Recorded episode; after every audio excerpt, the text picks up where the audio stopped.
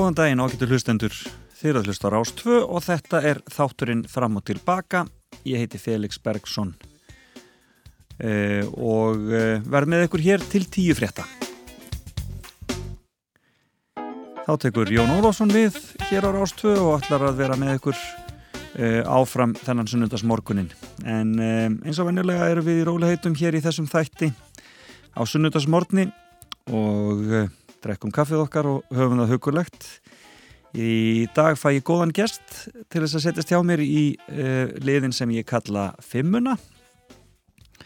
Uh, það er engin annar en Ingólfur Þórarinsson uh, eða Ingó Veðurgvuð eins og fólk kallar hann og þekkir hann kannski best eða Ingó Ædol eins og hann var hér í gamla daga. En hann ætlar að koma og segja okkur frá einhverju skemmtilegu sem tengist Fimmunni og Fimman er alltaf eins, ég byrð gesti mínum að tala um fimm atriði af sama tægi sem hafa haft áhrif á líf þeirra. Og þetta getur verið hvað sem er. Sigga Beintens talaði um bíla. E, hann Vali Sport, hann talaði um fimm mistök. Þannig að það er ímislegt sem fólk getur talað hér um. En við höfum oft fengið staði, við höfum oft fengið fimm heimili eða fimm bækur hefur við vissulega fengið og e, fimm plötur. Þannig að um, þetta er það verður spennand að heyra hvað, hvað Ingo kemur hérna með hand okkur. Og svo eftir nýju þá ætla ég að eh, ringja til Kanada. Alla leið í, til, til Manitoba. Og heyra í ungum vestur Íslandiki þar. Eh, manni sem að já, margir Íslandikar kannast við eh, sem hafa farið hafa farið í Íslandika byggðir hann heiti Jóel Friðfinnsson og uh, það verður gaman að heyri honum hljóðið hér á eftir. Hvað er að frétta af frændum vorum í Kanada, vestur Íslandingum uh, og svo er tónlistin á sínu stað og ég ætla að tala aðeins um þennan dag í lokþáttar og þá sem eiga ammæli á þessum degi. En uh, við skulum byrja á lægi dagsins og ég hef verið að spila lög úr íslenskum söngleikjum undanfarið e, og e, það er náttúrulega flókið því að það, bæði eru já, þeir eru, það er nóg til á söngleikjunum en margir eru barnasöngleikir og svo er ekki mikið til af upptökum úr þessum söngleikjum mörgum hverjum, en það er nú bara eins og það gerist. En við skulum byrja á núna uh, söngleik eftir Óla Haug Simonsson og Nýdönsk þetta er Gauragangur. Uh, og þeir eru þau tveir uh, Gauragangarnir. Eh, en sá fyrri hann sló eftirminnilega í gegn þjóðlugusunum og eh, vinsarasta lagi þar var sungið af Steinin Ólinni er hans á rétti. En við skulum heyra það hér með Valgerði Guðnadóttur úr söngleiknum þegar hann var settur upp í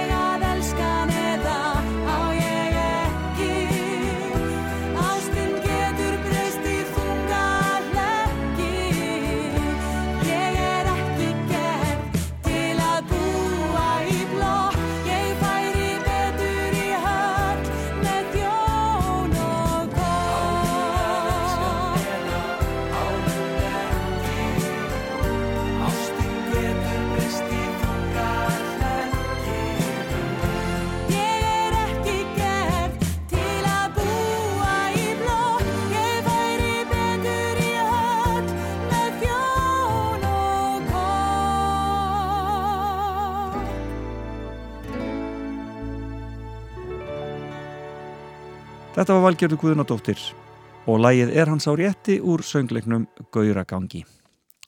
Frábær söngleikur þar á ferðinni.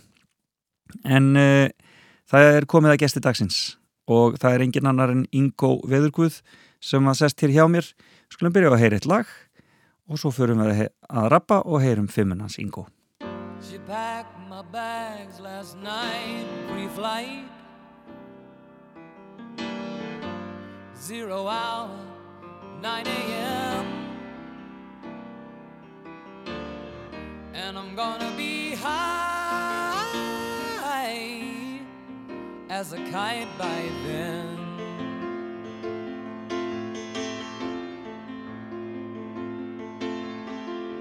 I miss the earth so much, I miss my wife. It's lonely out such a timeless flight.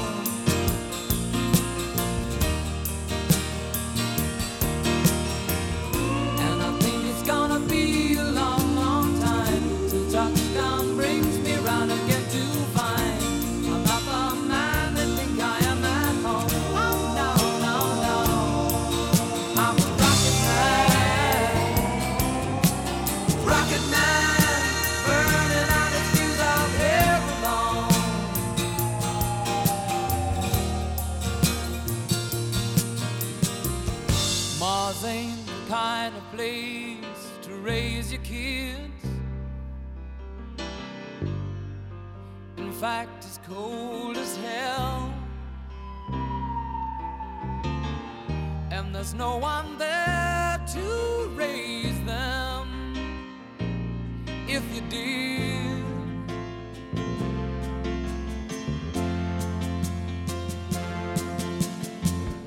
And all the science I don't understand it's just my job.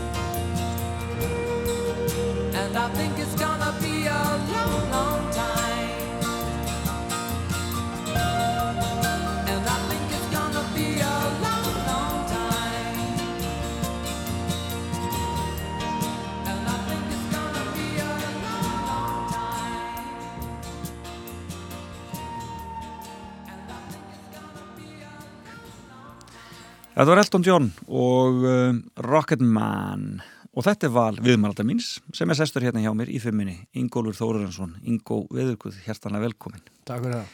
Þú gengur, gengst ennþá við þessu Veðurguðusnafni. Já, já.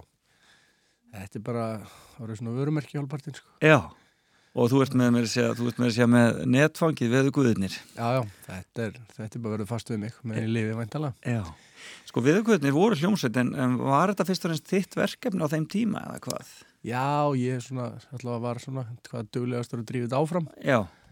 En svo var ég náttúrulega Ingo Ædol áður en ég var Ingo Vöðugur. Sko. Einmitt. Það var Einar Bárðarsson, umbóðsmaður Íslands, sem að breytti nafninu Vöðuguðinir í Ingo Vöðuguðinir. Þannig fannst það að vera svona meira sell í því eftir Ædolið. Sko. Eftir, eftir Ædol, æfintýrið allt saman. En Já. þetta eru vinniðinir bara frá Selfossi eitthvað? Já, eða frá tungunum hann og í kringun Selfoss. Já.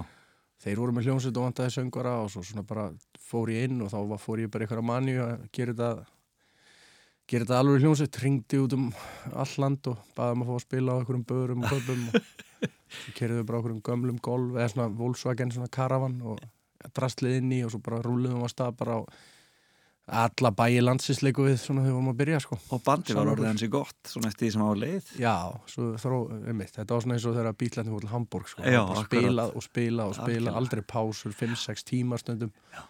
og þá einhvern veginn var eitthvað til þá fekk maður þessa reynslu líka sem við nýst setna sko, kunna lög og svo leiðis Akkurat, en þú ert líka í fókbaltarnum fulla þessum tíma, ekki? Jó, ég var í fókbaltarnum fulla þessum tíma það var mjög svona það var flókið sko Já, láta það ganga allt Já, Mæt, og ég raun bara algjör drugg Mæti sko. leik eftir gigg á Húsavík. Já, mitt til dæmi sko, nákvæmlega maður. Og þú veist, spila leik og vera að segja þú veist, að keira búið reykja okkur flugvel og 140 til að ná okkur flugvel og Já. missa af henni og þurfa þá að ringi vinn minn sem er flugum ára og byrja hann að fljúa okkur á eigilstæði, þú veist, og það er kannski september og hann er ekki með, þú veist það getur, getur frosið í riblunum eða eitthvað svo leið sko og menn eru bara með í maganum þú veist að fara að lenda og veist, þetta var alveg gaman sko en í dag þú veist þetta væri bara alveg geðviki sko. veist, bara...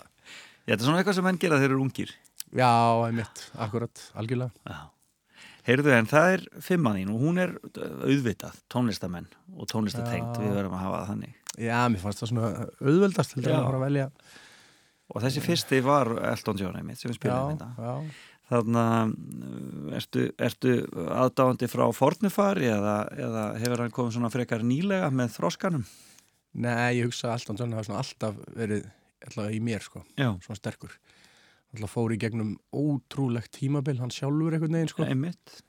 En að lokum hafði hann alltaf þetta bara svona, ég held að hann sé einn af svona bara, svona, ég, ég veit ekki, tónlistasögunni sem hefur svona töfra touch þú veist, þegar hann sest við flíilinn skilur og hann samti ekki textan í síðan sjálfur, hann samti lögin. Og þetta er svona óvinnilega aðferð ég myndi að fá textan að senda, mm -hmm. setjast niður með þá og Já, semja, skilur, hann fær alltaf þessi ljóð bara frá hann að benni tópin Emitt og bara mér finnst þessar melodýr Elton John bara vera svo áhugaverðar svo mörgu leiti, þú veist, fyrir mig alltaf sem lagahöfund, sko. Svona að því leiti að meðst lögin einhvern veginn flæða svo flott í gegn Elton John, þú veist, það er mér sérstakt vegna þess að við sem erum að semja kannski poptónlistir erum oft fastir í, þú mást greifun alltaf og öllu sko að veist, það er erendi, það er viðlag, það er eitthvað kabli það kemur eitthvað sól og eitthvað svo leiðis það er svo Elton John bara setjast í píun og gerast bara eitthvað töfrar og lægi bara svona flæðir í gegn, þrjár myndur og Já. skilur þið og ekkert endilega, endilega einhverju kórusar sem endilega setja alltaf eftir. Nei, þú veist, það er svona eiginlega allt lægið einhvern veginn setur meira eftir heldur Já. en einmitt, nú kemur kórusinn sko. Það er bara einhvern veginn eitthvað svona algjörð flæði í tónlistina sem er veist ótrúlega magnað sko.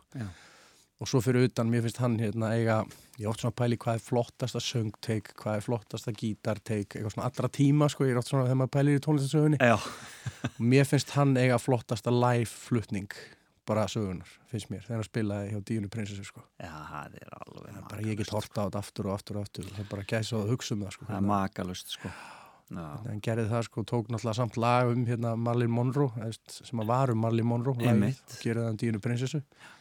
En svo er reynda textin að læginu um Marlene Monroe og óbásla flottur mér, sko, sem er hann að syngja Norma Jean sko, hvernig hún varð skemmt af Hollywood lífinu sko. Candle in the Wind. Já, Candle in the Wind sko. Það er svo flott myndlíki líka. Já Þetta er algjör snild sko. Já, þetta er það Algjör snild En þannig að þú sko, hvenar, hvenar tekur þú upp gítarin á sínum tíma? Um, ég, pappi kenni mér fyrstu þrjú gripi kannski svona 11-12 ára Já.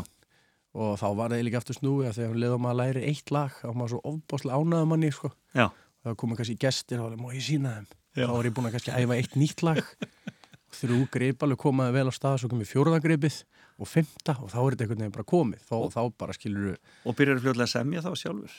Já, ég geri það eiginlega mjög snemma sko, því manni fórum í skólaferðalag ég var í 8. eða 9. bekk sko. Þá var ég búin að semja lag um skaftafellsíslu og svona sem vorum að rúti og leiðin út á land sko. Ég var byrjað að semja strax, þú veist, alls konar. Og svona, já, ég held ég að við gert það strax sko. Og átt alveg hellinga lögum í gegnum tíðin en þá að finna eitthvað svona gamalt alls konar stöf en finnst bara svo leiðilt í stúdíu sko annars verð ég búin að gefa mér út sko. Já, það er bara svoleiðis, finnst þér, þið leiðið stúdíuðina Já, mér finnst það svolítið svona tímafrek sem betur fyrir ég er búin að hitta svona fullkomin makkar núna sem er Haldur Gunnar fjallabróðir. Já, og leiðist honum þetta jafn mikið á þér? Nei, hann, svona, hann, hann þekkir mig bara þannig Já. að hann svona lætur mig bara koma segir bara, Ríko, sestu bara niður spilaðu demón í þrjá tíma. Svo bara fá okkur kaff og síku og spjöllum og allir slægir, svo ger ég eitthvað smá og þetta er bara svona flæðir, þetta er ekki eins og stundum ertu bara með eitthvað lag og þarf að fylgja því eftir sita yfir í meðan að vera að mixa eitthvað rattir og alls konar leiðindi sko. ég Já. bara hef ekki þólið með það að þegar ég er búin að gera lagið á gítarinn þá finnst mér strax heyra hver útkoman á að vera og Já. hann er mjög góður í að vita þegar ég lýsi því og getur eiginlega bara að skila mér útkomin án þess að ég þurfa að sitja yfir og hafa áhyggjur af því sko. þetta verð ekki rétt útkoma Það er briljant, sko. það það. En þú átt mjög auðvelt með að semja og ég menna, ég minnist nú bara mjög, hérna, þegar við settum þér verkefni hérna í þættunum gestir út um allt Já, að semja um kvennakórin að þetta er greinlega, þetta er bara einhvern veginn þú, þú, þú, þú einhvern veginn hugsar þú og hljóðfærið einhvern veginn, þú nærða að hugsa þig onni í hljóðfærið mjög auðveldlega. Já, ég veit ekki alveg hvað þetta er sko. ég, ég hef alltaf fundið þetta þú veist, og bara í partíum eða veistlum að sem ég kom fyrir stundum ég láta mig detti huga sem er lag um eitthvað sem er á staðnum eða um mómentið og svoleiðis og það er kannski þó þetta sé veist, alveg góðu kostur verandi tónlistamæður þá er þetta líka svolítið svona þannig að já, það auðvelt með að semja lög og texta sem mér alveg finnst oft ágætt að ég gæti eiginlega gert bara tíu og einum degi sko. Já, ég ég myndi skil. leggja mig í það sko. Þannig að ég svona þess vegna missi ég svolítið fókusin á kannski hvað eru góðlög og hvað ekki og þessu kvöldi gig, þú veist, nýja lagi það bara var eitthvað sem kom bara okkur smá augnablik bara allt lagið, bara spilaði eða bara inn eitthvað svona demo mm og mér datt bara í huga að eiga demo af því, af því bara, ég veit ekki svona af hverju sko, af því svo hef ég gert svona, þú veist, sitt stundum bara með gítarinn og þetta er gott, þetta er bara nýtt lag, Mhm. nýtt lag, nýtt lag en tekur það ekki? Nei, ekki alltaf, þú veist, af því ég hugsa alltaf að ég sem bara nýtt lag á morgun Já. þú veist, ef ég vil og ef að það er eitthvað þannig að minn fókus þarf vel að vera bara að fara í stúdíó og reyna að vera svolítið skipulaður sko, hafa svona struktúr á hlutunum sko. George Michael sagði alltaf að þá, þá, hérna, þá veit hann hann á að halda áfram með það það er alveg mjög góð punktur Hver er næsti tónlistamæður hjá þér í fimmunni? ah, Ég myndi örgla, þú veist, bara um leið og fórst að spast með um fimm sko, kom, fyrst kom Elton John upp í hugan sko, en alltaf einhvern veginn líka í dag er ég mikið að svona spá í honum sko Mm og svo svona Johnny Cash hefur alltaf fyllt mér mjög mikið sko Já, Já.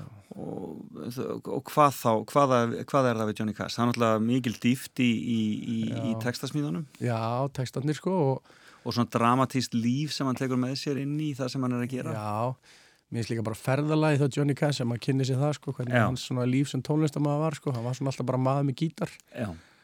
og var svolítið svona, gerði svolítið mikið sitt og vinsaldirna kom og fóru svolítið í köplum sko. Hann lendi að spila í Vegas bara fyrir þú veist hundra manns eða eitthvað veist, og enginn að nennunum og svo allt í einu veist, miklu eldri þegar hann gerir stórkoslega plötu í setni tíð sko, þá, þú veist, þá allt í einu er hann orðin bara alveg ósnertanlegur og ódölugur og mér finnst það svo áhugavert líka veist, hvernig svona hvað ég segja, bara fólk eða mm, krátið eða bara þeir sem við listamenn spilum fyrir þeir stundum býtur einhvern veginn einhver í sig að þessi sé málið þá er hann málið þú veist í eitt ár, tvö ár, þrjú ár eða eitthvað svo deyr hann aðeins út og næsti kemur og næsti og, og meðan mér varst svolítið flott hjá Johnny Cash og svipað með Bob Dylan sko þeir svona heldur svolítið alltaf sínu striki eins og ég sá það sko Já. gerðu bara sitt, það sem þið vildu gera gegnum alla æfina og vinsaldina kom og fóru en svo að lokum þú veist þá fannst mér eins og Johnny það stóð hans raun upp sem sigur af því að hann gerði svolítið sitt Já, sko. já, algjörlega, algjörlega. Og í rauninni verður bara, svona kannski sem að gerist það hitt alltaf, tónlistin verður næstu bara betur og betri eftir því sem árin líða eitthvað neginn. Já, mér finnst líka hann hafa það, þú veist að þegar maður sest, ég set hann bara ofta á shuffle í bílnum þegar hann Mhm. mm út á land og alltaf nýtt og nýtt lag og er eiginlega búin að hlusta á bara eiginlega allt með honum sko. og finnst mér svona sumir hafa það þegar þeir eru að segja texta eins og meðist hann hafa svo mikið að meðist ég bara ósjálfrátt alltaf fara að hlusta meðist ég alltaf heyra söguna meðist hann er góður sögumæður sko. Það finnst mér svolítið svona skemmtilega af því það var hann ekki bara veist, þessi söngvari heldur er hann bara að segja eitthvað hann greinlega meinar það Mhm. eða hefur tilfinningu fyrir því sem hann er að tala um sko. Mér finnst það alltaf svona sita stert í mér ég get sett hann hvaða lag sem er á með honum og þá er maður svona komin svolítið á staðin með honum það sem hann er að syngjum þó að ég sé ekki amerikani og langt frá því sko. Nei, akkurat. svolítið svona Hartland, Ameríku hérna, textar og lög sko. en einhvern veginn smittast maður bara inn í það sko. þannig að það fíla ég mest við hann Hva, hva, hvaða lag, ef ég seti eitthvað aðeins á hérna, svona, smá tóndæmi, hvað ég var að spila? Ó, það er að um, Man in Black finnst mér alltaf mjög flott sko. Well, you wonder why I always dress in black. Why you never see bright colors on my back. And why does my appearance seem to have a somber tone? Well, there's a reason for the things that I have on. I wear the black for the poor and the beaten down. Living in the hopeless, hungry side of town. I wear it for the prisoner who has long paid for his crime, but is there because he's a victim of the time. I wear the black for those who've never read or listened to the words that Jesus said about the road to happiness through love and charity. Why you think he's talking straight to you and me? Mighty fine, I do suppose. In our streak of lightning cars and fancy clothes. But just so we're reminded of the ones who are held back. Up front there ought to be a man in black. I wear it for the sick and lonely old. For the reckless ones whose bad trip left them cold. I wear the black in mourning for the lives that could have been. Each week we lose a hundred fine young men. And I wear it for the thousands who have died, believing that the Lord was on their side. I wear it for another hundred thousand who have died, believing that we all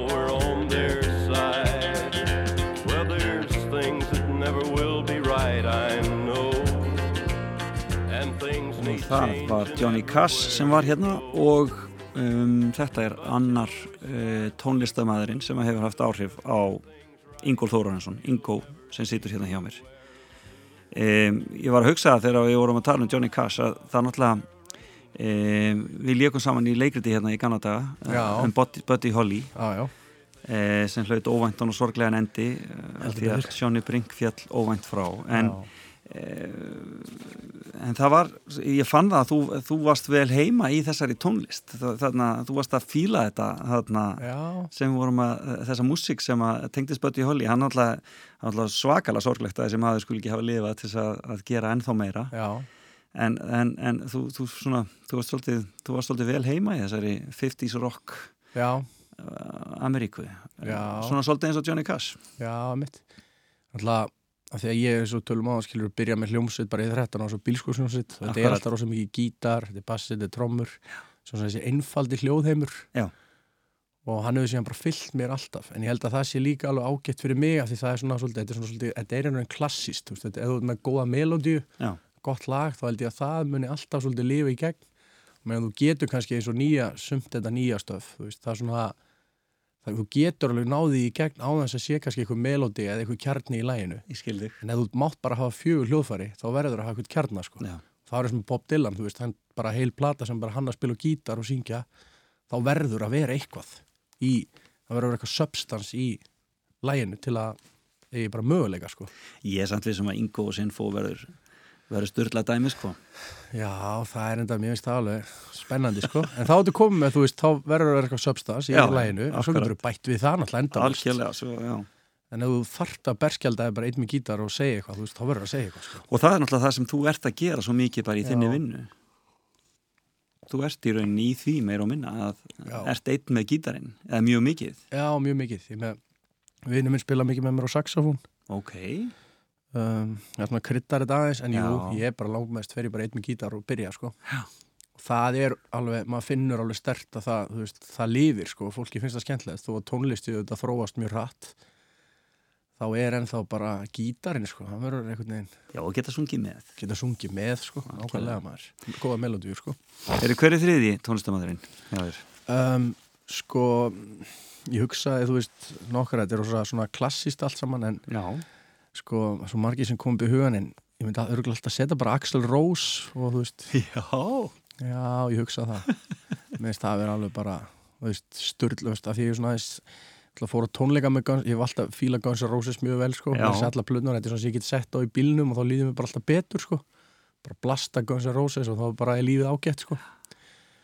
Og ég er svona mikill Ameríkukall, sko. Svona, svona Ameríkuperri, má segja, sko. Einmitt Mér finnst alltaf mjög gaman að fara til Ameríku og svona upplifa þann kultúr sem er þar sem er svona, ég sveiflast á milla að finnast þetta besta land í heimi og besta fólk í heimi í versta land í heimi og versta fólk í heimi akkurat ég veit ekki alveg hver ég stend með ég held þetta að séu mjög margir það sko. Já.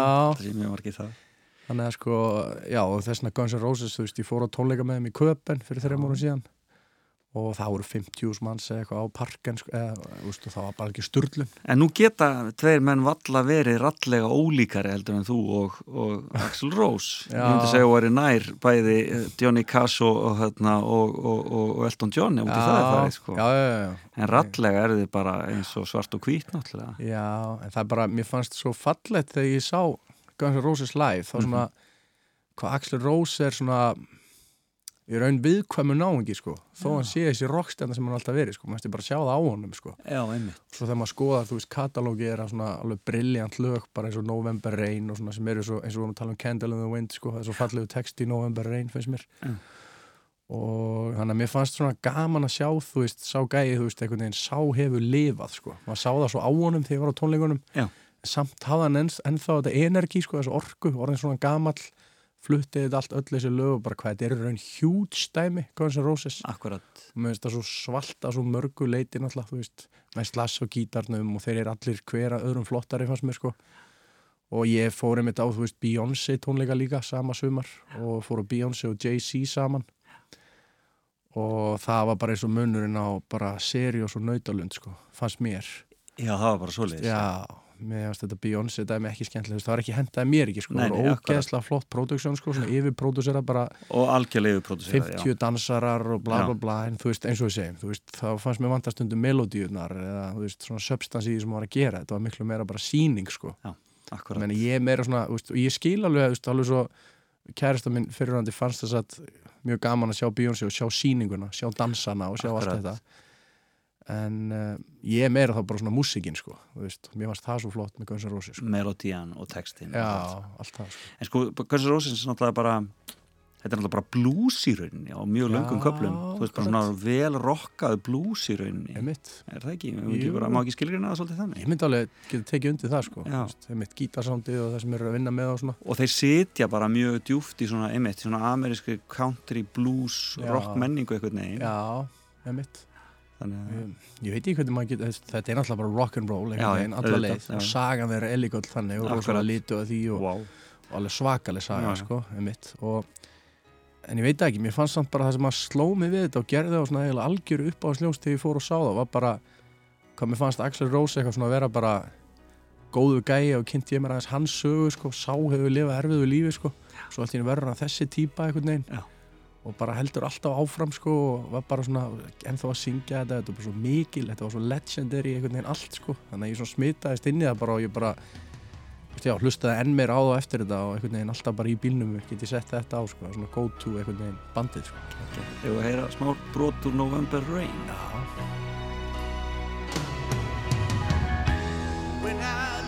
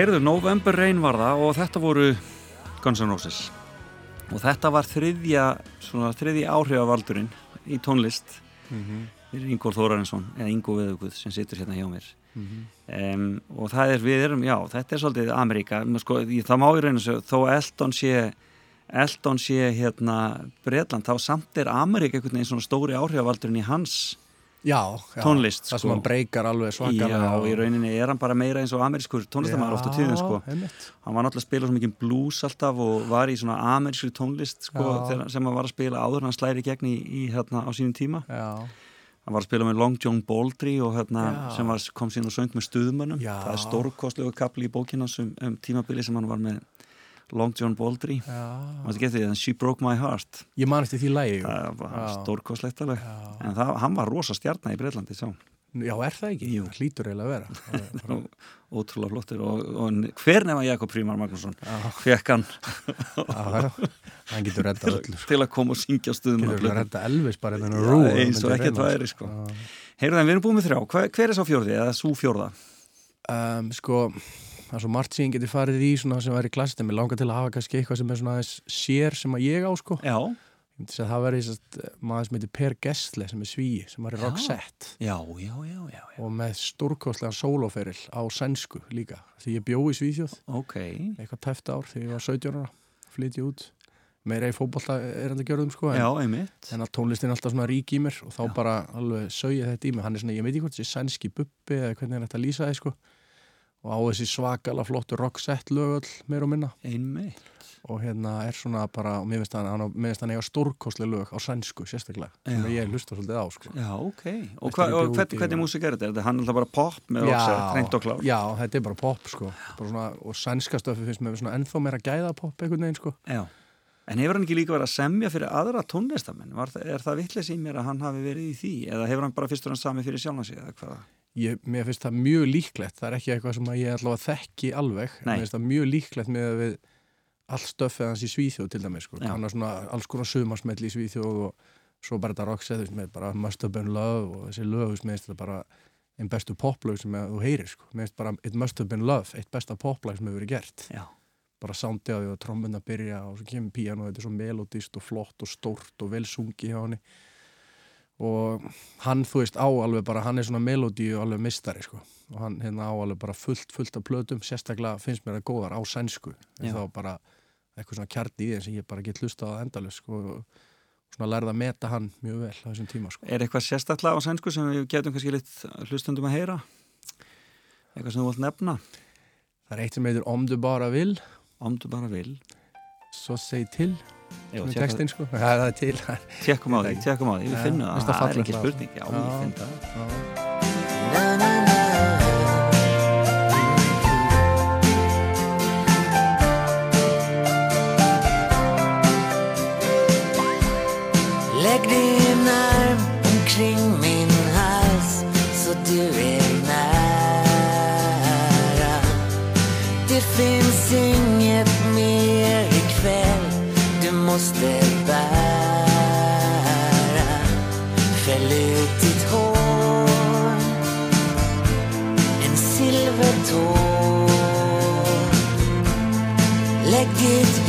Huvud på min kudde.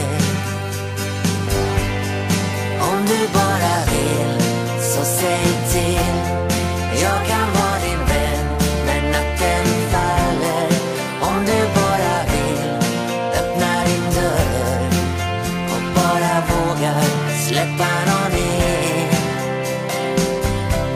Det bor en sorg i dina ögon jag Per Gessli í, sem er annar helmingun og Roxette. akkurat Uh, þetta, þetta, þessi tími í Svíþjóð, hvernig var það að vera 17 ára gutti þar? um, Varstu, varst- varstu einn eða? Nei, við fórum tveir saman úr fótbolta frá Selfossi, hæsku Já. vinnu minn byggum hjá fóruldrum hans Já. Vorum svo bara í svona íþróttaskóla og vorum bara í raun æfingar í hátteginu í íþróttaskólanum og svo bara vorum við hjá liði sem er í Gautaborg Ok, og var það, Úr- var það, var það stefnan að komast í atvinnum sko þeim tíma eða svoleiðis? Já, þetta var eiginlega svona upphafið að því sko. svo kem ég heim í jólafrí og þá bjóðaði mér þess að svona gera svona hálf atvinnumanna samning Já, en ekki alveg fullan en þá hefði það kannski verið bara ferli sko mm það hefði verið með svona úlingaliðinu og átt möguleika kannski að æfa með aðaliðinu ef ég hefði eftir mig, eða gert vel Mhm. En þá, ég mynd, vil meina þó ég hefði síðan spilað fótbolta þannig til ég var þrítur þá var þá svona hætti ég í fótbolta þarna sko. Þú tókst að- eiginlega ákvörðunum að þetta er ekki, að þú ætlaðir ekki inn í þennan harða heim eða? Nei, emitt Þú veist, var, spilaði sér með Selfoss og mínu liði og svona en ég held bara þessi skrítið að vera í afreiksýþrótt eða þú ert ekki að stefna sem lengst. Nei, akkurat. þannig að ég var í fótboll alltaf en var svo sem aldrei að stefna neitt með það sko, það var bara að gera mitt besta fyrir liði sem ég var í á þeim tíma sko En upplifur það í músíkinu að þú hafið tekið þá stefnu? Að verða afreiksmaður í, í tónlist? Nei, mér finnst það ekki sko ég, það, það er svolítið sérstætt hérna heima allavega sem ég upplýði sko það er að reyna að læra á núna er að þegar við gefum út hann Bahama og gestar þessu vinsalu fyrstu mm. -hmm. plötun það er 2009 mér finnst einhvern veginn bara svona á einu, einu og hálfu kannski tveim árum þá má svolítið búin að gera allt sko finnst manni allavega á. Íslandi. Allavega var ég búin að heimsæða eitthvað einasta bæjarfélag og spila á þessum stóru rúftónleikum til dæmis og þjóðatíð eigum og veist, svona eiginlega búin svolítið með allt. Búin að fara í öll útvarsviðtölin hitta allt fólki í bransanum og allt þetta. Þetta er náttúrulega svo lítið land og Já, verður vist frægur eða þekktur og svo ég náttúrulega segi alltaf mjög mikið já við öllu sko. Svona full mikið á köflum sko. Og veist, einmitt, og þá var ég svolítið og ég lendi svolítið svona á vegg með það þú veist, ég var bara einhvern veginn búinn að gera þetta allt. Já. Og var þó ekki að svona spá í af hverju var að gera tónlist en svo ég fann að gera tónlist meira núna aftur þá finn ég svona gleðina í því að skapa sko, Já, mér finnst það mjög skemmtilegt. Og svo festist maður alltaf líki í þú veist að vera alltaf skemmtikrafturinn veist, með gítarinn og koma öllum í gýrin og þetta allt. Já, já, og í rauninni bara vinnu, þetta er náttúrulega bara fyrst og næst bara vinna. Já, svo verður þetta rosalega mikið vinna mitt og það er einmitt líka sem þróast, þú veist, að þegar maður er tvítur, þú veist, þá er þetta kannski svolítið bara partí bara í bílnum með strákunum eitthvað lengst út á land og fá smá pening líka og bara geggjað en svo allt í ertu bara, þú veist, 26 ára með enga mentun og ekki aldrei unnið handtak Nei. þá allt í kannski að fara að skoða þetta kannski aðeins öðruvísi, sko, Já. þá er, það er partíið svolítið búið, sko Já. Og þá þarf eitthvað að sitja í eftir og svo leiðis. Já, þá það bara, veist, það lítið með þetta á þessu segi, smá sem vinnu, en það er svona það, en þá á móti, sko, finnst mér gefandi að semja og hérna gefa út lögu til mig og kannski halda tónleika og fara eins meira út í það en ég hef gert áður, sko Einmitt. Og við í rauninni keira á þínu eigin efni meira. Já, meira, sko, þóra því líka, sko Já, akkurat. en, uh, Og er það framtíðin hjá, hjá Ingólu Þóruninsinni, gera það? Að í rauninni bara vinna meira í eigin efni og, og standa meira með Já, sínu eigin já, það er það sem mér langar að gera núna og ég, sérstaklega þegar hafa komið svona nokkur lög upp á síðkasti sem hafa gengið vel og fundið svona gott, hérna baklandi eða þannig og stuðning með því sem ég hef verið að gera Einmitt. og þá er spennandi að því mér finnst ég eiga líka ennþá betri lög inni sko. mér finnst ég eiga alveg nokkur sem ég er mjög mikla trú á og hlakka til að taka upp og henda svo frá mér og þá get ég kannski alltaf inn að haldi tónleika bara einn með gítar sem er kannski ein, tvei tíma bara með mínu lögum, góðum sögum og bara já, flytja flott Akkúrat. mitt eigi efni, þú veist, það er það hefði ég átt að vera búin að mastera sko eiginlega fyrir 15 árum, byrja að hugsa þetta svona Já, sko. já, akkurat. en þú veist, maður læri bara eitthvað að fara að læri sko. Svo læ- læri sem lifir, sko. Það er Já. bara þannig. Já. En áður en við heyrum lag með þér, þá eigum við einn listamann eftir í fimmuniðinni. Mm Síðasti og fymti, fymti og síðasti tónlistamæðurinn í fimmu, þessari fimmu. Já, þetta er náttúrulega þetta er svolítið erfitt sko en hérna allist, að því að ég er náttúrulega bara það er klassist að segja bítlandir eða þú veist og þá er jafnvel John Lennon sko. Það er alveg típist að segja það. Og, og það er eiginlega ekki hægt að sleppa í þú veist allavega með hvað áhrif það hefur haft á mig að því ég hlusta á allt með bítlunum aftur og aftur og aftur og aftur sko. Þekkit allt út og inn og pabbi gaf með vídeospólur bara hefur 12-13 ára þá horfði ég bara að sögu bítlana aftur og aftur og aftur og já, veist, þá er ég alltaf að segja John Lennon sko, veist, að lókum veist, og meiri segja sólóstöfi það, þú veist, með þess bara Jealous Guy er bara upp á slæði mitt sko, Það er alveg Veist. ríkarlega flott. já. Og ég spila það oft, skilur ég bara leika mér á gítarinn sko, bara, ég kem framstundum eða þannig væp í gangi, ég þarf ekki að vera að taka henni, Nei, tekið það bara svona flottir útgáfu og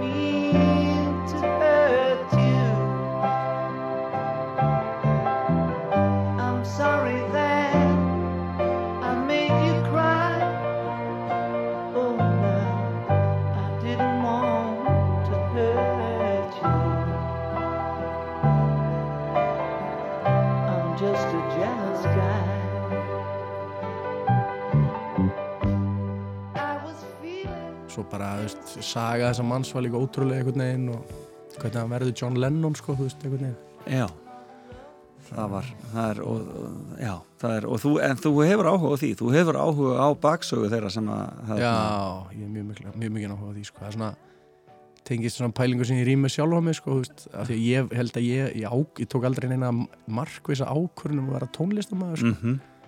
það er bara einhvern veginn allt í hennu og maður lendur á einhvern stað, sko, þá fyrir bara að í hvað við ráðum í raun miklu og öllu ferðalega okkar í lífinu, sko, það er svona, ég er aðeins svona efast um stundum að maður ráða eitthvað endilega öllu, sko, sem bara svona fer áfram og þess vegna er það svona ákveðið frelsi að hugsa þannig að maður getur líka orðið bara nýjalisti og tekið ekki ábyrð á neinu bara og látið allt flæða sko. Já. en ég er svona að reyna að finna þannig balans allavega því ég hef kannski búin að vera í svona lengi í þannig ferli þú veist að vera svona með ómikla ábyrð ómikið á tánum og yfirspendur og svona.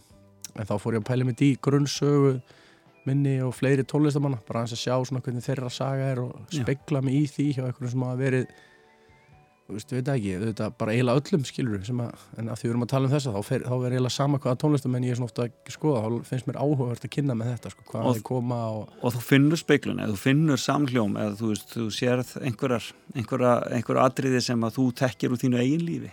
Já, ég geri það, sko og stundum, veist, meira með öðrum en, en hinum, sko, Já, veist, svona misjamt eftir, eftir tónlistafólki einmitt. En svo líka finnst mér bara áhugavert, þú veist, alveg sem með John Lennon og svona, svona það sem hafa voru mjög stórir í gegnum sögun eins og Michael Jackson. Þú veist, að pæli í, þú veist, á hvaða tímapunkti týndi hann alveg sjálfum sér einhvern veginn, sko Já. og varð bara Michael Jackson og leið alltaf illa, sko.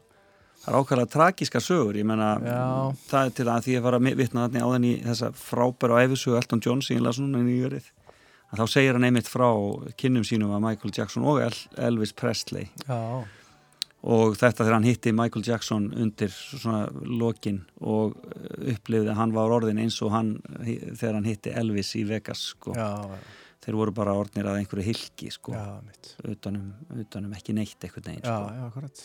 Ég held, þú veist um, ekki það, þú veist, að ég hef sem betur við bara verið að vinna sem tónlistamár á Íslandi en ég held að se, alla sem eru í svona entertainment, bara eins og þú þekkir þú veist, þú getur tæmt þig andlega á einhvern veginn. mm og ef þú gerir allt og allt og allt og mikið að því þá verður alltaf minna og minna eftir af þér einhvern veginn. Já, alltaf upplýði ég það á tímabili og þurfti aðeins að reyna að laga það. Já, þá fór ég að skoða þessa sem eru sko miljón sinnum stærri en ég nokkuð tíman mhm, kynna mér aðeins það sem þeir voru búin að gera og þá svona kannski tengdi ég aðeins betur alveg ákvæm að þarf að fara vallega skilur að við byrjuðum á Veðuguð að festast ekki í Ingo Veðuguð heldur ekki gleyma í þú veist hver þú ert og hvernig þú vill lifa og hvað þú vill gera því maður er svo fljótur að vera bara svona emitt hilki sem flakkar á milli staða og syngur og spilar og tæmir þig andlega og Já. alltaf á tánum, alltaf að plýsa alla í kringum þig og allt svo leiðis og já, þess vegna hef ég pælt mér mikið í öllum þessum karakterum sko. já, en á sama tíma þarftu líka samt að sættast við það ekki þennan sama Ingo Viðuguð og strákin sem samt upp að hama og þarft Já, að, að, það þarf að fylgja þér líka eða ertu ekki, ekki samar á því? Jú,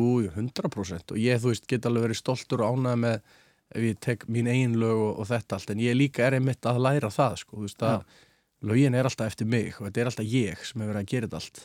En ef maður gýra sig bara of mikið einhvern veginn upp, þú veist, í allt þá getur maður orðið svo ofbóðslega tómur andlega. Já, og kannski auðvitað held, ég held að flestir sem er að koma fram set upp, er séu smá karakter Já. þess að það ekki, er svona aðeins allavega. Misjant hversu mikið en ég viðkynna alveg ég fyrir á svið skilu og það er bara svona þess að setja að góða gæst, góða kvöldið, hvað er stemmingin í já. þessi hérna fílingur. Akkurat. Og ef maður gerir þetta aftur og aftur og aftur þá getur maður óvarpa orðið svona heima á sér sko, maður svona fastur í þessu móti sko, því við bara einhvern veginn orðin svo grillaður sko. Já, þannig að ég er svona aðeins að reyna að læra á þetta og þannig, veist, með því að kynna mér þá sögu svona kollega sem hafa farið í gegnum þetta á allt öru leveli sko. aðtilsvært Já. Þetta voru góð lokaður, við skulum bara enda þetta á læginu sem sló algjörlega í gegnum sumar. Það er náttúrulega eru tvö sem hafa algjörlega slegið í gegnum. Þjóðatjálæðið er náttúrulega bara, er bara geng, gengur stöðugt, sko. Já. Takk fyrir mig sem er óskaplega falleg pæling og, þarna, og skemmtilega, en það er þetta í kvöldi gig sem er svona svona hið, já, kannski fyrir þér hið, ó, hinn óvænti smellur sumarsins Já, heldur betur, bara 100%. Uh, bróður minn sem að, með þykir mjög væntum, við svona tölum mikið saman um tónlist og hann hefur svona verið svolítið kvartning fyrir mig Já. og hann hjælt alltaf svo mikið upp á þetta lag Já. og kvartið mér bara alltaf þetta og gefið þetta út og ég ákvaði að gera það en ég hafði eiginlega enga trú að þetta er því allavega hvorki eiginlega vinsælt, nýja þá svona vinsælt en þá líka kemur á móta ég á mjög mikið af svona svipu lögum sem verður gaman að setja út í framtíðinni sko. Það er svona þórum að því kannski meira Við býðum spennt og ég óskar allsins besta í Alex. framhaldinu. Leðis. Takk fyrir spjall. Takk. Í kvöldi gikk inn á nýjum stað Fólkið allt í kringum mig virðist vera að fíla það En engin veit hvenær ég kem heim Týndur einn í myrkrinu kem allt og allt og seint En eitt kvöldið einn á stað með gítarinn og retturnar En enga hugmynd hvernig þetta endar Inn og út úr partíi með peninga og áfengi og minningar sem langt best væri að henda. Allir sem að þekkja mig sem er að betra líf býði en ég neita samt að lenda. Því kvöldi gikk inn á nýjum stað fólkið allt í kringum mig virðist vera að fíla það. En engin veit hvenær ég kem heim. Týndur eitt í myrkrinu kem allt og allt og seint. Samt í lag fyrir löngu síðan Livði á því í langan tíma. Vonandi þá gleyma skamlar syndir. Eitthvað nýtt á hverjum stað Mér fannst ég samt aldrei vera þar.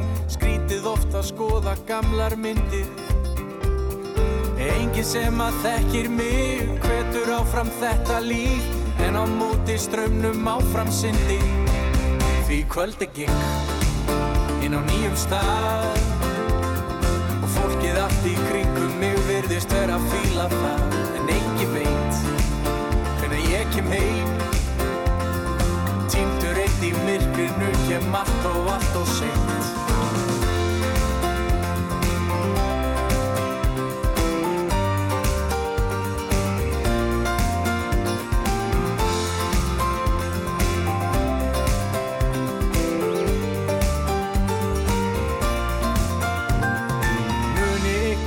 ykkur tíma finna að sé komið og fara að vinna. Klukkan nýju og hanga minnst í fjögur. Verður dag eitt vel þess virði að finna hús í hafna fyrði eignast börn og segja þessa sögu. En ég má ekki hugsa um það, ég verð að drífa mig á stað. Því augnablíkið er allt sem við höfum. Og í kvöldi gikk inn á nýjum stað. Og fólkið allt fíla það En engin veit hvenær ég kem heim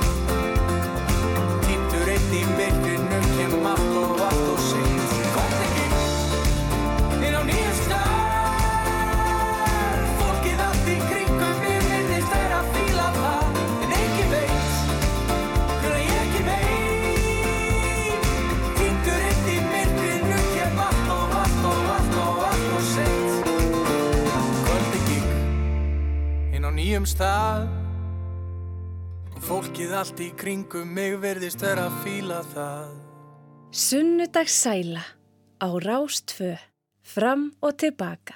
Já, kæru vinnir, þá er Ingo Veðuguð farin á dyr og mikið var gaman að hitta þennan góða dreng e, Ingoru Þórarensson auðvitað og það verður spennand að sjá hvaða tónlist kemur frá honum á næstunni.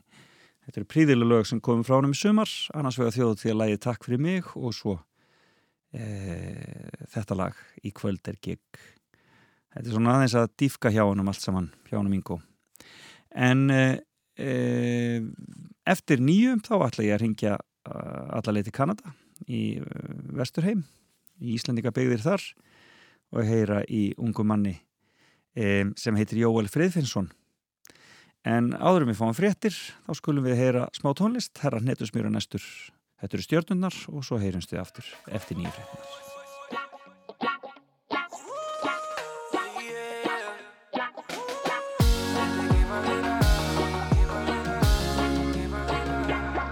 Ég vona, vona að Þú vittir að ég gæfi þér allt. Heiminn og stjörnurnar, stjörnurnar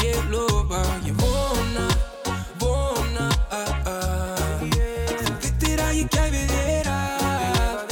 Heiminn og stjörnurnar, stjörnurnar ég lofa. Þeir spila leiki sem ég spila ekki. Ég spila ekki ef ég flýg ekki. Gæti verið hóvar en ég líg ekki. Sífælt í nýju Ég pæli minn og minn í álitu.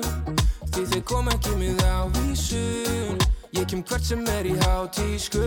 Rándýrum, flíkum Sama hvar í gangi á mér Í vesinn eða allt gengur vel Þá vil ég deila öllu með þér. Ég vona, vona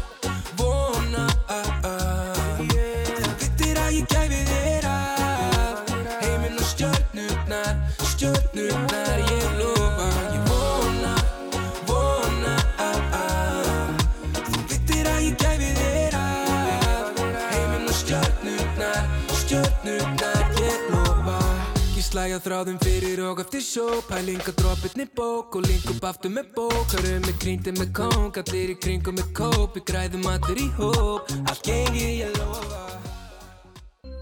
Velkomin á Fætur. Fram og tilbaka á Rástfö.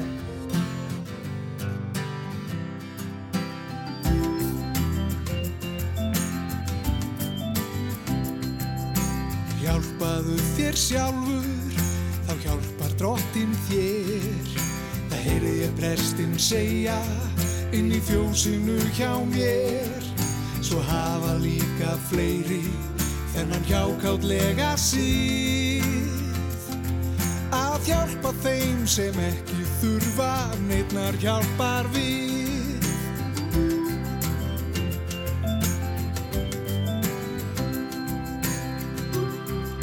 Og síðan kemur djáknin og hann á skilir rós Með hátilegum tignar svip hann skálmar út í fjós. Og byður mig að hjálpa til að borga don't you see Á bankan ofur litla skuld sem Guð er komin í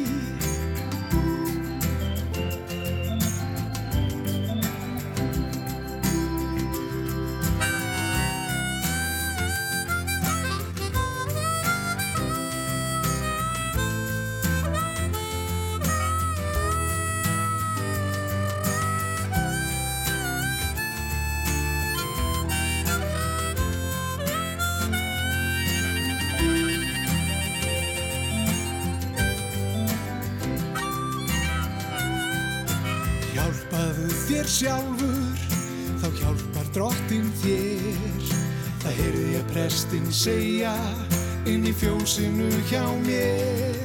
Svo hafa líka fleiri þennan hjákátlega síð. Að hjálpa þeim sem ekki þurfa, neittnar hjálpar við. Að hjálpa þeim sem ekki þurfa, neittnar hjálpar við.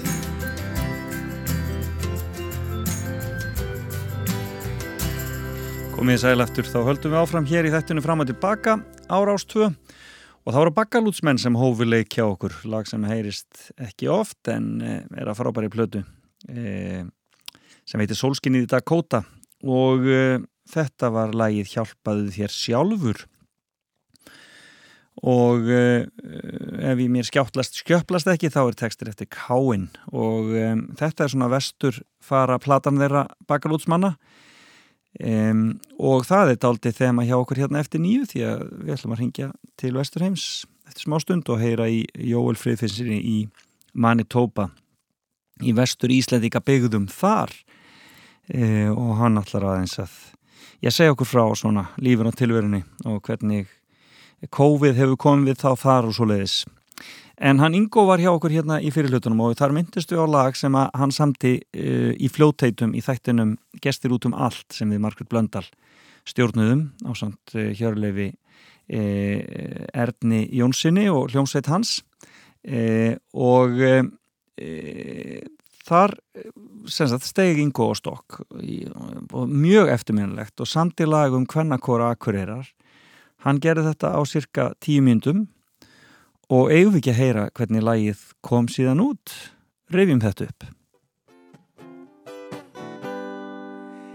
Ég var lengi lítill strákur að reymbast við að verða stór En það sem breytti lífi mínu var akkurísku kvennakór Þær sungu svo fallega stelpurnar í kvennakór akkureyrar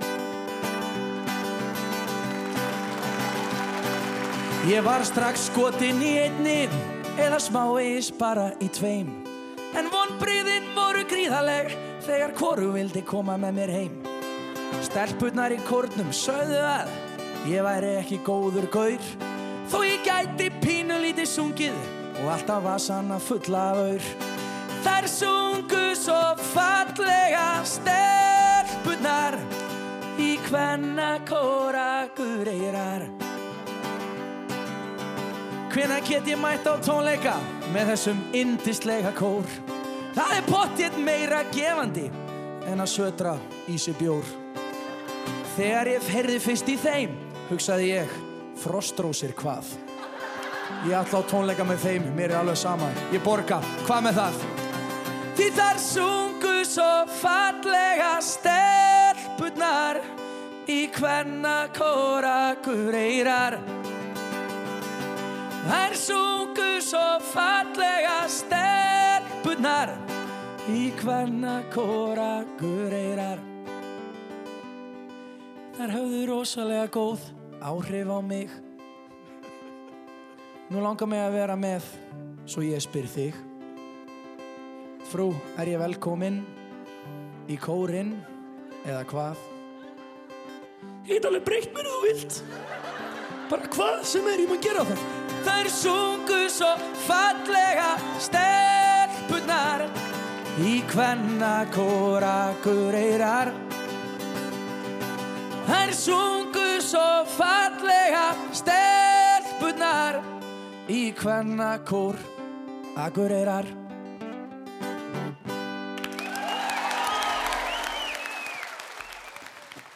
Hann er engum líkur þessi drengur.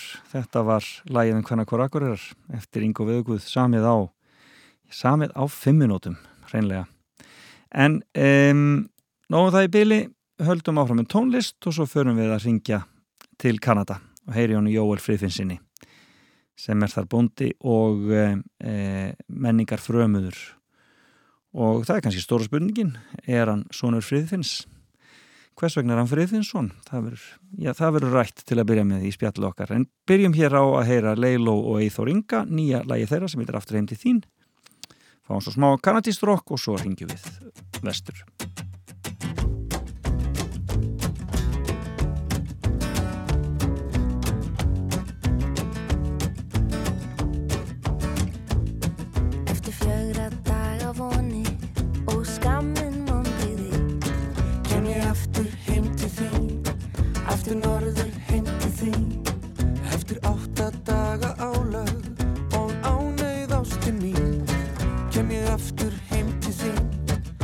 sunnan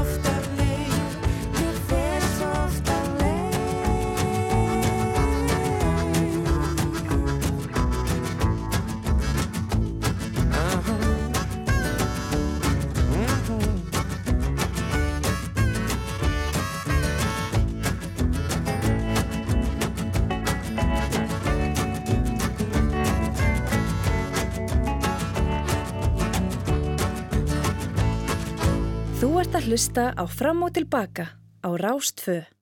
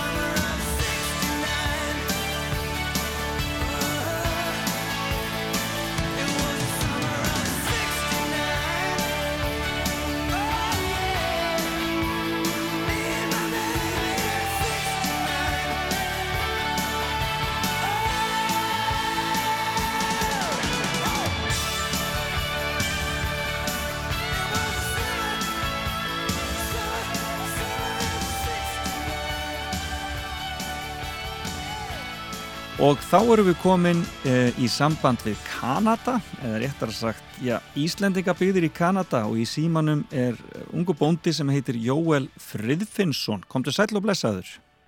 Sæl og blessaður fyrir. Blessaður. Uh, svona til að byrja með, Friðfinnsson, ertu, er þetta gamla íslenska nafnahefðin? Ertu sonur Friðfinns eða er þetta ættarnafn hjá þér í Kanada? Já, það, það er svona. Ættarnafn mitt. Uh, langa, langa, langa afi minn hætt Friðfinnur Friðfinsson og sonur hans Sigurður flutti til Kanada árið 1883 og svo við tökum uh, e eftirnafnið hans sem, sem ættarnafn. Og þið eru semst Frið, Friðfinnsson family. Já, einmi. Pappi minn, pappi minn heitir Brian. Já, og er, og er Friðfinnsson eða hvað? Eða? Já, Friðfinnsson. Já, skemmtilegt. Já. Þannig að, Það er fjölskyldunafn. og tala, tala allir í þinni fjölskyldu þá íslensku? Er, er íslenska almennt töluð í fjölskyldunni? Nei, foreldrar mínir tala ekki, en afra um, umur töluðu íslensku sem móðurmál. Já.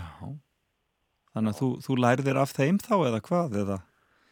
Já, ég byrjaði svona að læra hjá Já. og þá, þá hjá konu í Árborg sem heitir Svava Simonsson. Já. Og eru ennþá einhverjir sem að halda í íslenskun og tala þarna hjá ykkur?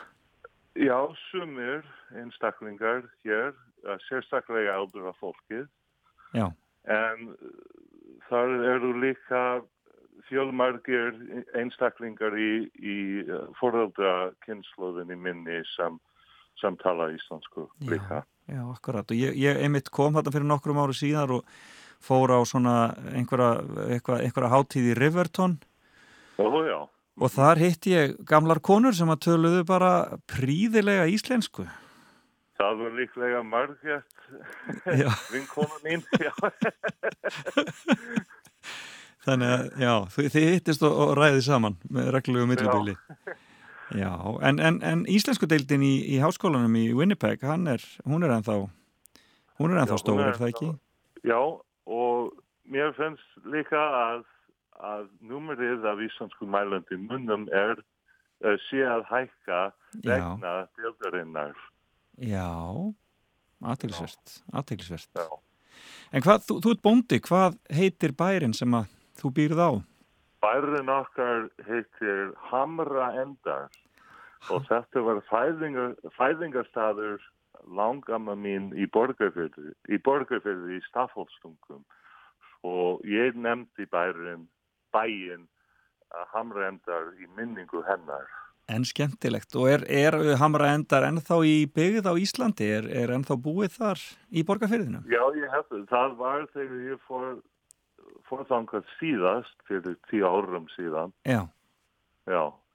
Og, og, e, og, en kemur stundum til Íslands? Já, ég hef verið á Íslandi oft. Uh, ég bjóð Íslandi í tvo ár. Ég lærði í háskóla Já. og vann í borgarfyrði á sumrin 2006. Ég var að byggja kólvöld í Reykjóldsdal. Já, já. Já, á bæ stutt frá Reykjóldi. Heitir Ness. Og, og hvernig kom Íslandir fyrir sjónir þegar þú komst og vast hérna? Þetta var náttúrulega, þetta var náttúrulega tíminn þegar allir voru rosalega ríkir og allt var mögulegt. Já, ég var þar í 2008 Já. þegar kreppan uh, tók Já. eða ég gerðist og, já. Og þá hefur þú farið aftur heim eða hvað? Skrítið tíma. Akkurat, það voru mjög skrítni tímar. Það er óvægt að segja það. En e, þið haldið hátíðir ennþá? Þið haldið ennþá hérna, Íslendinga hátíð í, í, í Manitoba? Já, í Gimli eða hvað? Það er haldin á, árlega í Gimli. Já. Þetta var, var 131. hátíðin í ár Já. og vegna, vegna verunar uh, hátíðin var haldið á, haldin á netinu, svona virtual há, hátíðin. Já. Og hvernig, og hvernig fór það fram? Voru þá skemmtiatriði eða fyrirlestrar eða hvernig gerðu þið þetta? Já, allt, allt, allt svo leiðis. Já. Já, Einmitt. Já, svona veiran hún stoppar okkur ansi mikið. já. Og hvernig hefur ástandi verið í Manitoba í sambandi við COVID? Það er erfiður tímar en Já. við erum heppin það er ekki mörg tilfellin hér. Nei. Sérstaklega í, í mínu svæði það er svona þrjú eða fjör tilfellin Já. af ver- verunni en, en uh, lífið hafði breytt Já. af sjálfsögðu. Akkurat. Já, það er venjulegt að sjá, að fólk að, að klæða sig í, í grímu og er það er rétt orð. Já, já, það er alveg hárrétt, hárrétt orð, sko. Það er menn að nota grímur. Það er, þetta er, þetta er aldrei mikið öðruvísi, en maður hefur heyrt að Kanada hafi nú samt farið ögn betur út úr faraldrinum heldur en til dæmis Bandaríkin. Já, einmitt. Já, það er svona. En eh, ég hef, hef gjarnan sagt við fólk að það verði allir eitthvað tíman á lífsleiðinni að kíkja til ykkar til Manitoba og upplifa Íslendinga byggðirnar í vestur heimi. Eh, Hvert á, fólk að, hvert á fólk að leita ef það langar til að koma og, og hvernig á það að, að, að haga sér? Hvað myndir þú ráðleggja Íslendingi sem langaði til að koma og, og upplifa Íslendinga byggðirnar? Mér finnst mikilvægt að leita fyrst og fremst að ætingja sinna Já, sem, sem, uh, sem búa hér. Við, við höfum mikið áhuga á að koma í sambandi við, við uh, fræn, fræn fólkið okkar frá Íslandi og að styrkja tengslið á milli Ís- Íslands og milli Íslandinga og vestur Íslandinga og, og það er, það er til að byrja. já, akkurat, einmitt, það er góð byrjun.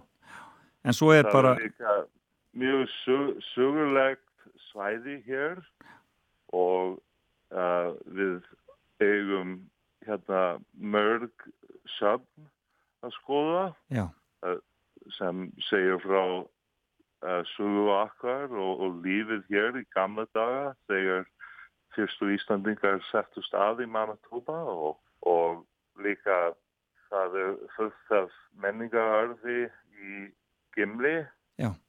Til dæmis og einmitt. það er mikið að sjá og skoða fyrir Íslandingar sem, sem uh, langar að koma hingað í heimsók. Ég, ég veit að þú hefur verið að fara með fólki í ferðir sjálfur, er það ekki rétt hjá mér? Já, ég hef verið leiðsugumadur í 20 ár. Já, Hópa frá Íslandi og stjórnmálamenn frá Íslandi og skólahópa og, og uh, einstaklinga. já, Já, frábært. En Fólk má sem sagt tekka á þér ef það er á leiðinni vestur og heyra, heyra hvernig, hvort að þú getur tekið á móti því. já einmitt, endilega. Frábært. Jóel að lokum, ég veit að þú ég hefur stundum talað um draugana sem fylgdu fylgdu Já, Íslendingum þegar þeir komu vestur. Hvaða, hva- um hvaða drauga erst að tala?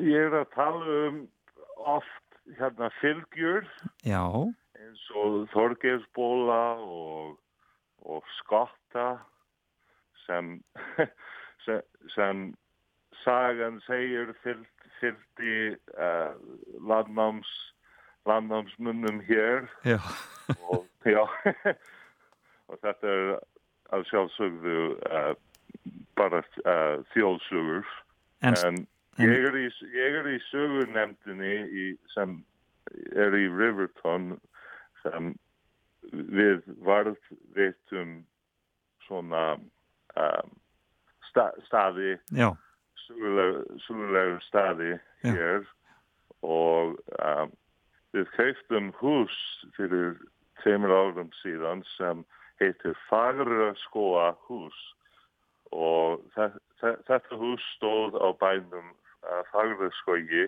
mhm, sem er rétt við uh, Þorpið Riverton og það er sagt að uh, það er reynd í húsinu og, og er það staðrind, er það satt?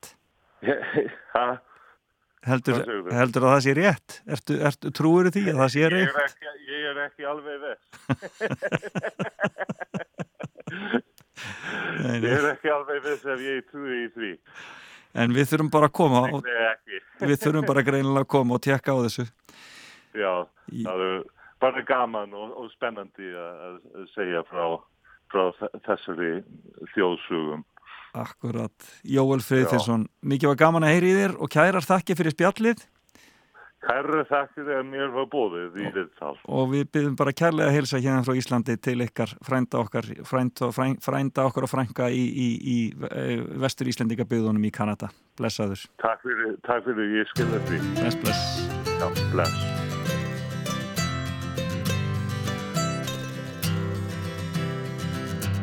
Já, hafði ég satt fram á Sævarbergstöll. Nú satt þar nú hjá mér. Þá kom upp úr hafinu á há há kall Og hana tók frá mér. Og hana tók frá mér. Ég þekk ekki nokkur um hauður Í haf, ég hæ, versku snöyðum Hann stakk sér með frúna á kolgrana kaf. Að hvaði hann dauðan? Þar hvaði hann dauðan? En glatt var á hérna brimvallar beð og bekkurinn sett og fyrir en ég vissi hver fernaðu skeð var rúðin í ég var rúðin reika ég alveg út af síns strönd ástunum fjörð og hvar sem ég innrúmi öndmættið hann er hákarlinn nærri. Er hákarlinn nærri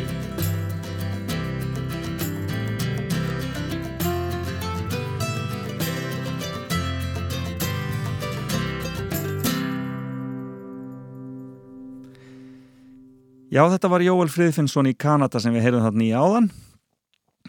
Uh, frábær náungi og uh, ef þið hafið ekki farið til Kanada til Manitoba og til uh, Winnipeg og, og Gimli og Riverton og allar þessar staða þá bara geti ekki mælt nósamlega með því. Og eftir viðtalið við Jóel sungu Megas og Bakalútur af þessari fínu plötu sólskinnið í, í Dakota. Eh, lag sem heitir Ævintýr. Eh, fáum unu stef hér og eh, eftir smá stund þá ætlum ég aðeins að já, svona reyfja upp hvað hefur gerst á þessum góða degi. 30. ágúst. Það er nú bara ímislegt vonandi eru því afspennt og ég. Heyrust þetta smá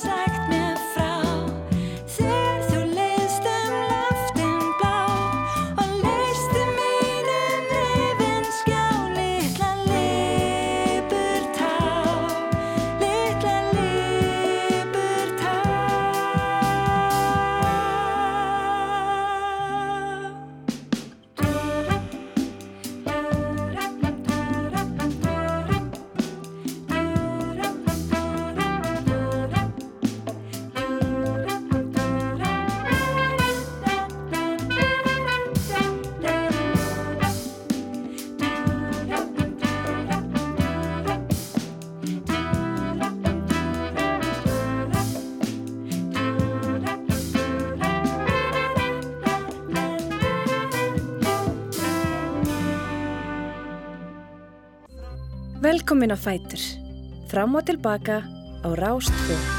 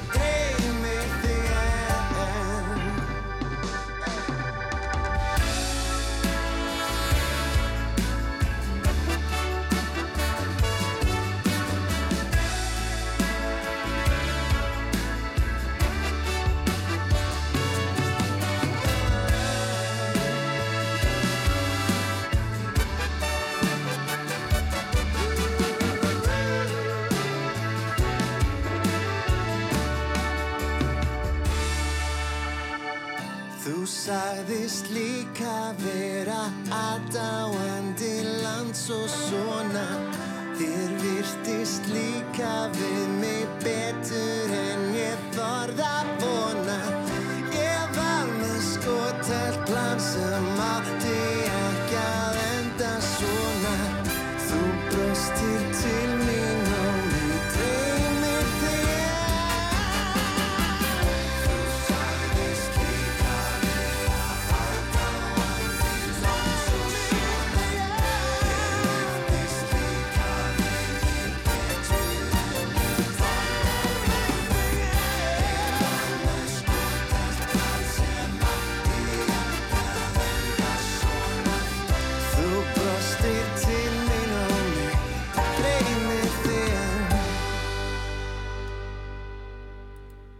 Já, komið þess alaftur, þá höldum við áfram hér í fram og tilbaka á Rás 2 og við byrjum að heyra nýja lægið frá strákonum í Á móti sól, nýjar syndir heitir það. Þetta er stór skemmtilegt, alveg stór skemmtilegt. Já, eh, við erum búin að eh, heyra í Kanada, Jóni Jóel Friðfinsinni þar og við erum búin að heyra í eh, Ingo Veðugvuð en nú er það 30. ágúst sem er dagurinn í dag og uh, að því að ég eh, á, ekki, á þess ekki kostar hingi að maður spatt þá ætla ég nú bara að skoða það sem að gerðist og hefur gerst á þessum degi gegnum tíðina. Og við skulum byrja á því að, að uh, fara allar leið til Manchester og syngja aðeins um um uh, bjór og síkaretur þið kannast öruglega við þetta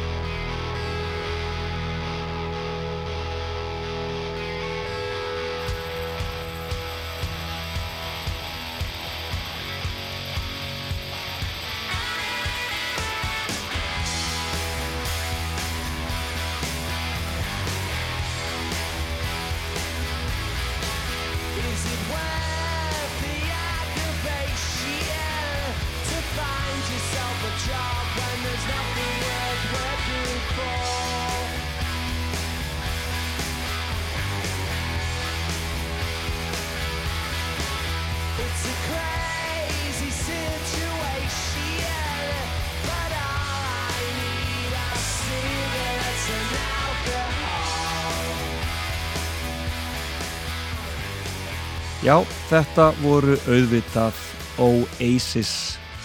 Félagarnir, bræðurnir Knáu og félagar þeirra. En það var einmitt á þessum degi eh, 30. ágúst árið eh, 1994 sem eh, platan þeirra eh, fyrsta eh, kom út. Eh, hún heitir Definitely Maybe. Og þetta varð mest selda frumraun hljómsveitar eh, nokkru sinni. Og uh, þessi plata náttúrulega tróðfulla smellum og uh, og uh, þetta lag Cigarettes and Alcohol átt þetta að koma út síðar og fara hátt á vinstandalista en áður höfðu komið sagt, höfðu tve, tve, tveir tvær smáskjúur komið út af þessari plötu það var Supersonic og, og Shakemaker og Live Forever kom síðan. Svona um það bil sem að platan um, var að koma út. E, og e, allt eru þetta e, miklu smellir.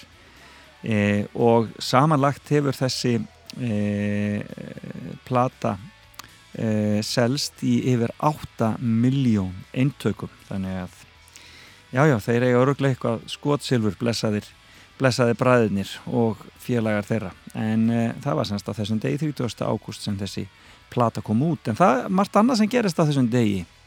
Um, til dæmis segir frá því hér á Wikipedia að, e, að Jón Vítalín Skálholtsbiskup hafi andast á þessum degi árið 1720 e, og þarna en e, hann andaðist e, á leiðunorður Kaldadal og var komin þar er nú heitir Biskupsbrekka til minningar um þennan atburð.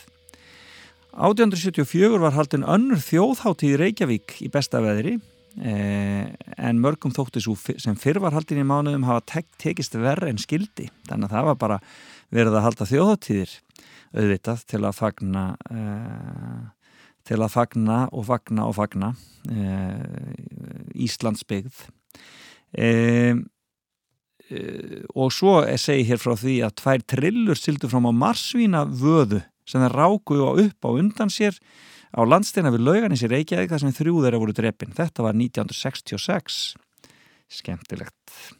Þannig að það er ekkit það er ekkit smáræði. Á þessum degi fór Gameskutland Discovery í jómfrúferð sína og Azerbaijan líst yfir sjálfstæði frá Sovjetríkjónum og e, þetta var árið 1991 auðvitað og Discovery var hérna 1984 og The Late Show með David Letterman það hófgöngu sína á CBS á þessum degi árið 1993 e, og e, svo er hér miður skemmtilegri e, staðarind en dauðarefsingar voru aftur teknar upp í New York fylki eftir átján ára hlið Já, það er svona.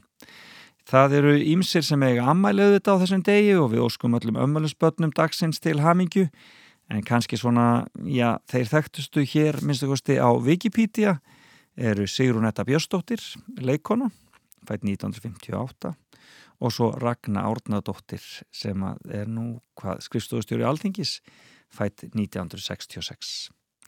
Já, þetta var greinilega góðu dagur í gegnum tíðina um, 30. ágúst og við skulum enda á að heyra hér um, annað lag með Oasis og þetta er auðvitað svona, já, kannski lagi sem er svona frægast að þessari plötu uh, Definitely Maybe þetta er Live Forever Maybe I don't really wanna know how you got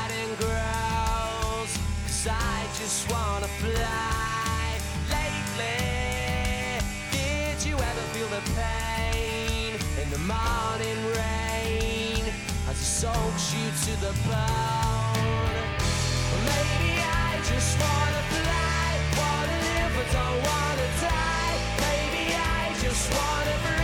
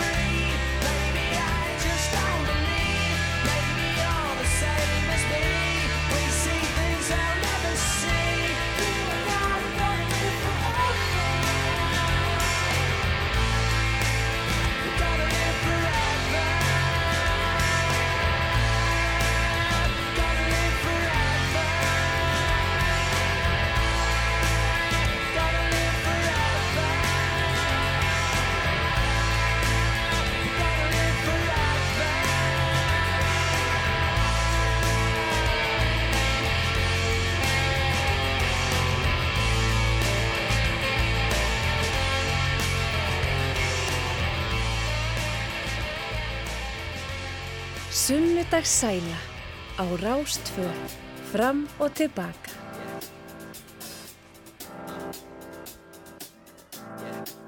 I got this feeling inside my bones. It goes electric wavy when I turn it on. Off from my city, off from my home. We're flying up no ceiling when we in our zone. I got that sunshine in my pocket, got that good soul in my feet. I feel that hot blood in my body when it drops. Ooh, I can't take my eyes off of it, moving so phenomenally.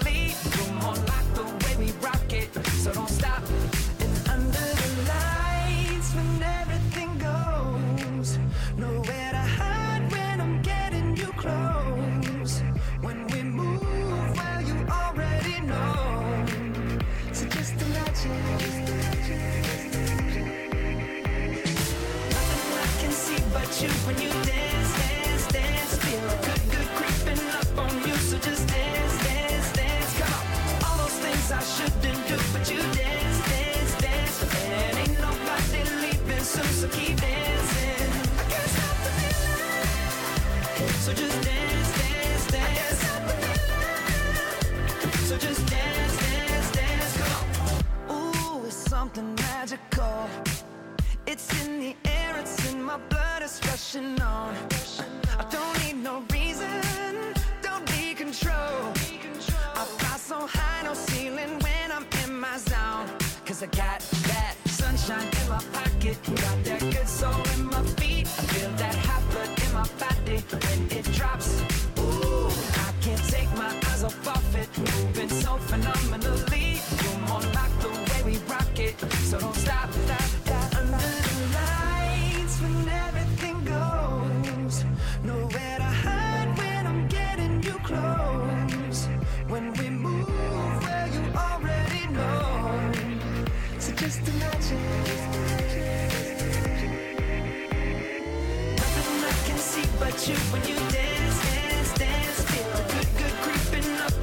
so just dance, dance, dance. Come on, all those things I shouldn't do, but you dance, dance, dance Ain't nobody leaving so keep dancing.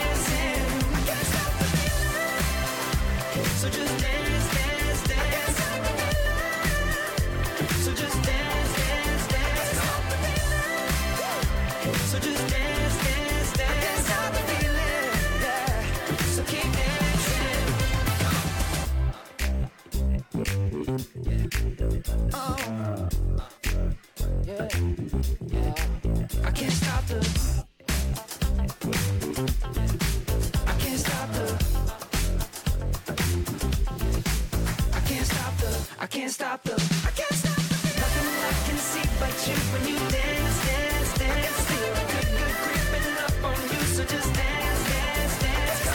All those things I shouldn't do, but you dance, dance, dance. Ain't nobody so keep dancing.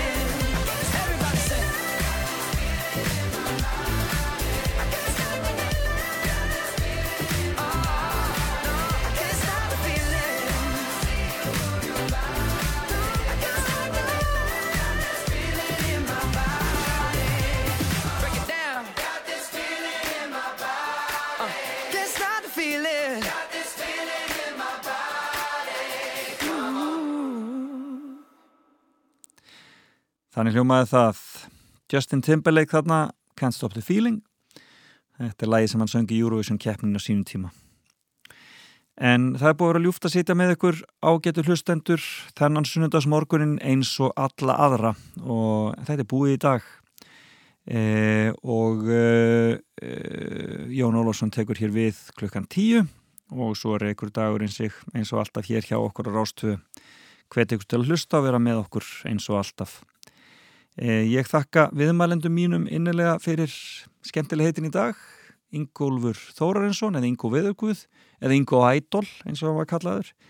Hann var hér í morgun og fór með mér í fimmuna. Og þar kendi nú aldeilis margra grasa, hann talaði um tónlistamenn sem að hafa honum verið hugleiknir í gegnum tíðina. Og þetta voru þeir Elton John. Uh, Johnny Cash. Uh, síðan var það e, síðan var það e, já, hver var það næstur? Nú þarf maður bara að rifja þetta upp á meðan maður að þessu um, Já, Lennon var hann í lokin, svo var þessi sænski Per sem hafði verið í í, í, uh, í, uh, í hérna Roxette, jú, og svo var það Axel Rose auðvitað. Já, já, þetta er fljótt að gleymast, en þið, ef þið viljið ekki gleyma þessu, þá getið hlustað á þennan þátt. Eftir smástund þá er hann allur komin inn á netið. Já, og svo ringdu við til Kanada í Jóel Friðfinsson e, stór skemmtilegan vestur Íslending sem þar býr og e, talar príðilega íslensku, gaman að heyri honum og e, greinilega mikið í gangi í þjóðuraknisfélaginu þar og verið að passa vel upp á samskiptin í Ísland og ég hvet ykkur eins og ég er margótt sagt til að fara á heimsækja frænt fólk í Kanada. Við skulum enda þetta á uh, counteríinu, þetta eru Thin Jim and the Castaways Margaret Eyr hann í broti fylkingar og Björgun Haldursson með henn hann í nýju lagi sem heitir Piltur og Stúlka. Heyrumst aftur eftir viku. Bless, bless.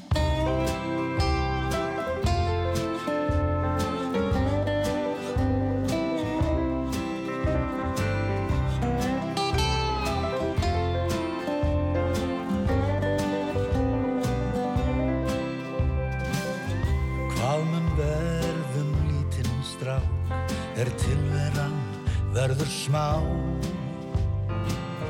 Hann sem tilti sér á stein og heiminn allan sá. Hvað verður um litla mei er móður faðmur hlýr? Hverfur út í tímans haf og aldrei aftur snýr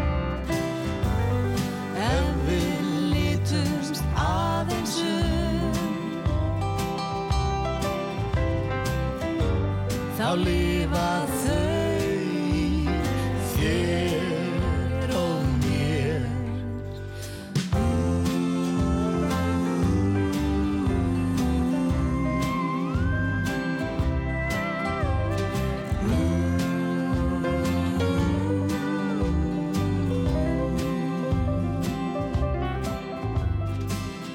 Hvað verður um ungan pilt þegar árin líða hjá.